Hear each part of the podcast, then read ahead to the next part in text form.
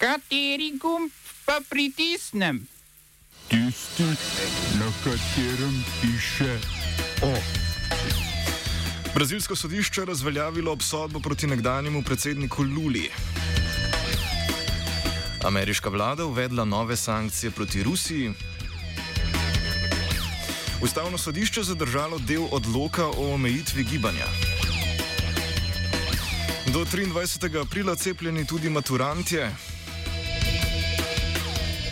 V krofu poročamo o brazilski različici koronavirusa. V kulturnih novicah pa soočenje Dunajčanov s pomenikom kontroverznemu županu.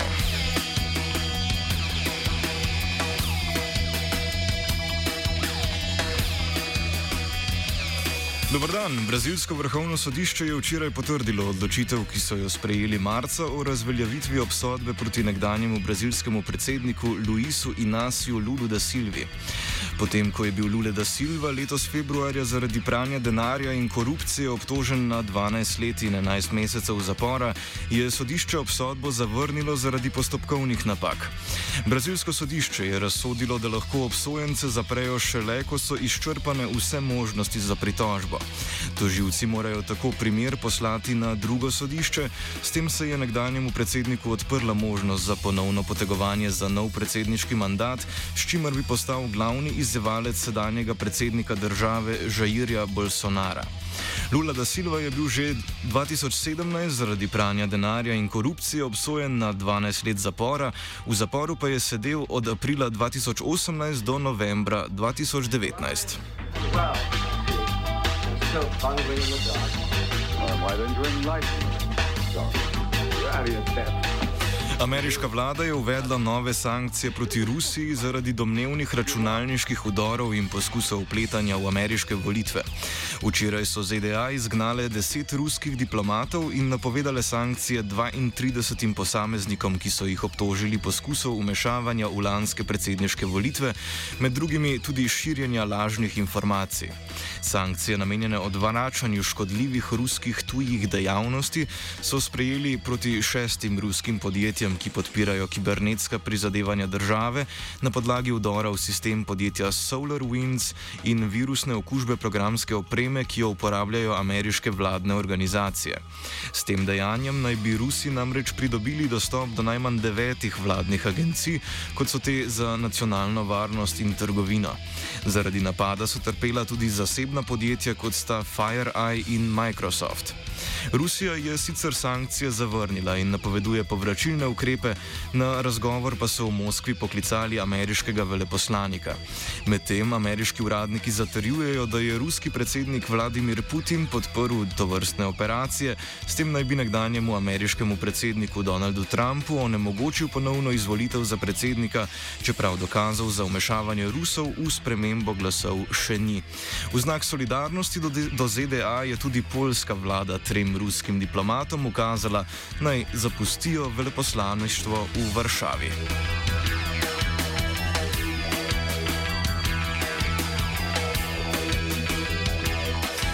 Pakistan je za več ur onemogočil uporabo socialnih omrežij, kot so Facebook, Telegram, YouTube in Twitter. Notranje ministrstvo je blokado izvedlo zaradi skrbi, da bi jih radikalne skupine uporabile za koordiniranje nasilnih protestov med petkovimi molitvami. Protesti trajajo že cel teden, v njih je bilo ranjenih več kot 600 ljudi, nekaj pa tudi ubitih. Islamistična stranka TLP protestira proti aretaciji njihove vodje Saada Rizvija, ki je izgredila besede tudi sklical. Predsednik vlade Imran Khan je naznanil tudi prepoved TLP-ja, ki je verjetno najbolj znan po protestih proti Franciji zaradi objave karikature preroka Mohameda, kar je za nje zločin. Vlada je stranko označila za teroristično organizacijo ter jo prepovedala v imenu ohranjanja državne varnosti. Do časa pisanja je bil dostop do socialnih omrežij le delno obnovljen.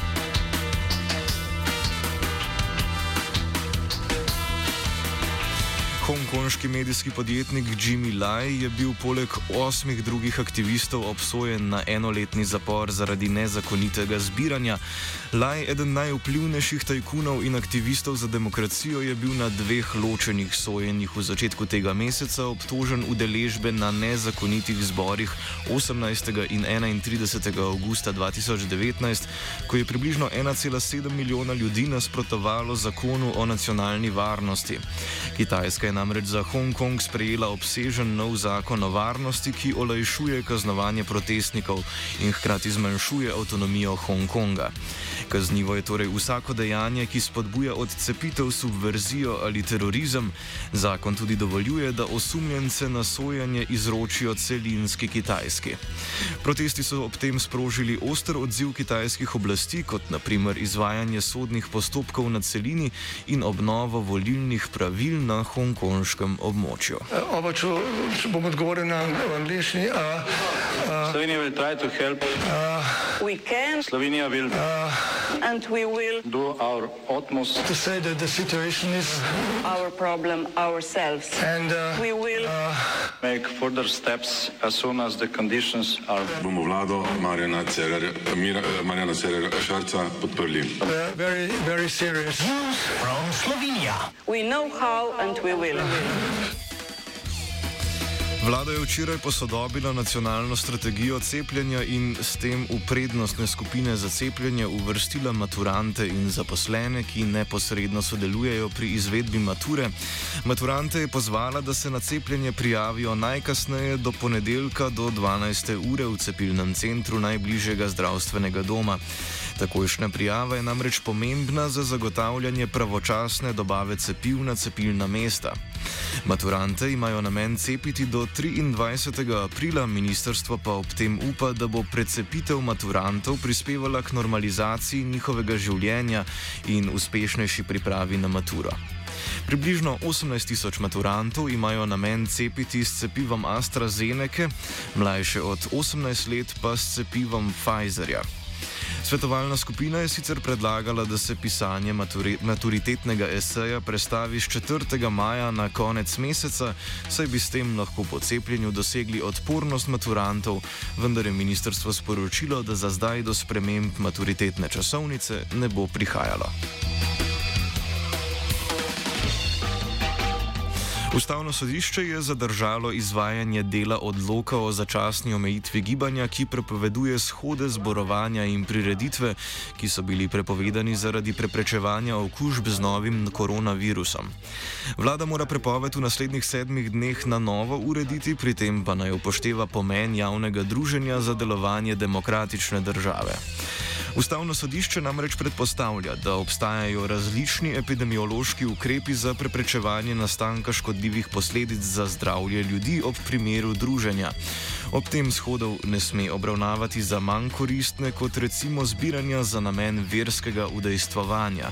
Meni, da je vnaprej možno določiti maksimalno število udeležencev, opredeliti minimalno razdaljo in uporabo mask ter razkuževalnih sredstev.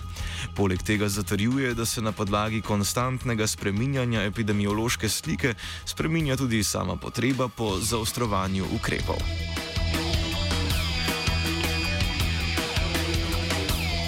Shodi so po odločitvi sodišča vseeno prepovedani do ponedeljka, pred manj kot pol ure pa je notranji minister Aleš Hojs povedal, da bo od ponedeljka dalje ob upoštevanju epidemioloških ukrepov dovoljeno zbiranje do stotih oseb na shodih. Hojs je še povedal, da so dosedanje omejitve shodov služile zgolj in samo zajezitvi širitve virusa. Hojs sicer na novinarski konferenci ni mogel skriti nezadovoljstva nad ustavnim sodiščem, od katerega pravi, da pričakuje epidemiološke nasvete.